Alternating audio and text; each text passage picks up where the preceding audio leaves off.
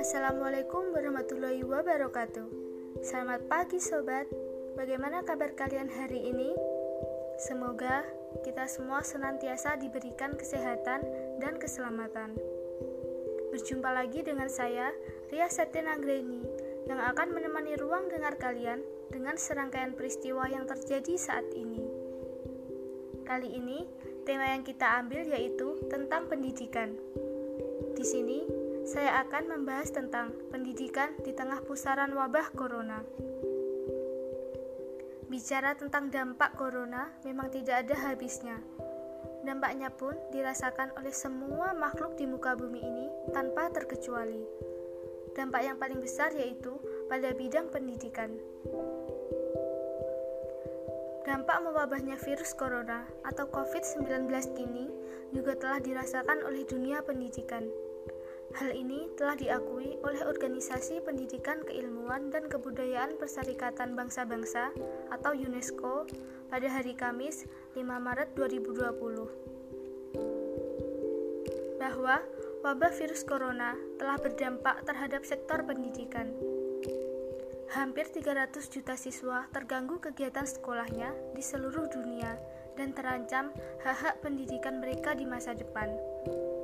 Sehari sebelumnya, 13 negara termasuk Cina, Italia, dan Jepang telah menutup sekolah-sekolah di seluruh negeri dalam upaya untuk menghentikan penyebaran virus tersebut. Itu mempengaruhi hampir 290 juta siswa. Sebagian besar siswa berasal dari Cina. Di seluruh negeri, termasuk wilayah administrasi khusus Hong Kong dan Makau, lebih dari 233 juta siswa tidak sekolah karena virus. Dan diikuti oleh Jepang yang memiliki hampir 16,5 juta siswa yang dipindahkan. Beberapa sekolah dan universitas telah memberhentikan sementara aktivitas pendidikannya. Hingga saat ini, kondisi penyebaran virus tersebut masih sangat memprihatinkan Data terbaru penyebaran virus COVID-19 kini telah dikonfirmasi positif di 84 negara. Data pada hari Jumat 6 Maret 2020 pagi tercatat ada 97.885 kasus positif terinfeksi dengan angka kematian mencapai 3.348.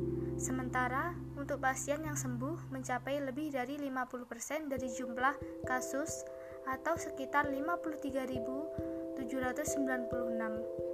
Data tersebut akan terus meningkat. Jika kondisi ini terus meningkat, maka sudah bisa dipastikan dampaknya terhadap sektor pendidikan juga akan semakin meningkat.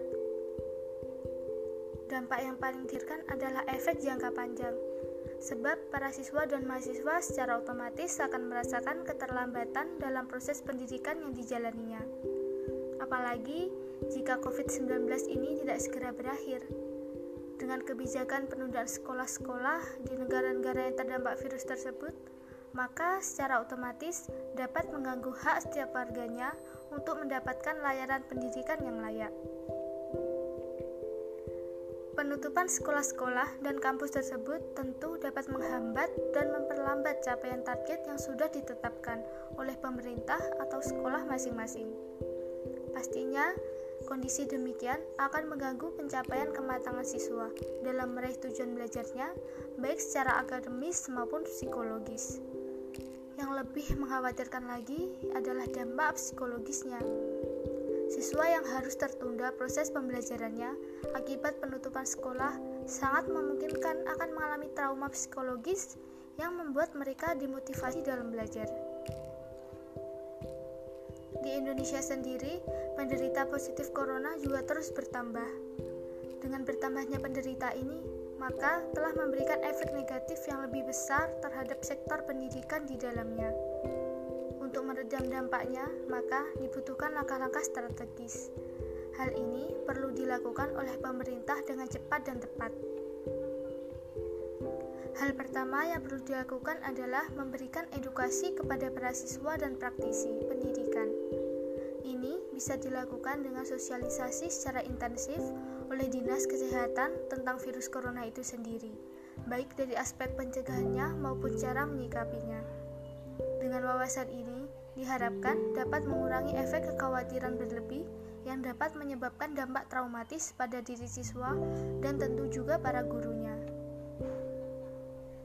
Langkah kedua yaitu perlu menyiapkan tim khusus dari para psikolog untuk melakukan pendampingan terhadap para siswa, baik secara kolektif maupun individu, khususnya terhadap sekolah-sekolah yang berada di wilayah terdampak virus.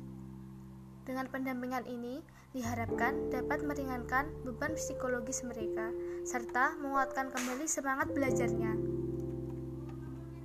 Adapun untuk terhambatnya proses pendidikan karena penutupan dan penundaan waktu belajar, maka perlu disiapkan solusi yang konkret pula. Salah satu yang bisa dilakukan adalah dengan sistem pembelajaran jarak jauh dengan memanfaatkan teknologi yang ada atau dengan istilah belajar melalui daring. Sebab, jika tidak, maka ini akan memberikan dampak negatif terhadap perkembangan kematangan hasil dan pencapaian dari proses pendidikan. Demikian sobat yang dapat saya sampaikan pada kesempatan kali ini dan ingat tetap jaga kesehatan, ikuti aturan dari pemerintah untuk melaksanakan social distancing untuk memutus mata rantai virus COVID-19. Sekian dari saya, sampai bertemu di lain kesempatan. Akhir kata, wassalamualaikum warahmatullahi wabarakatuh.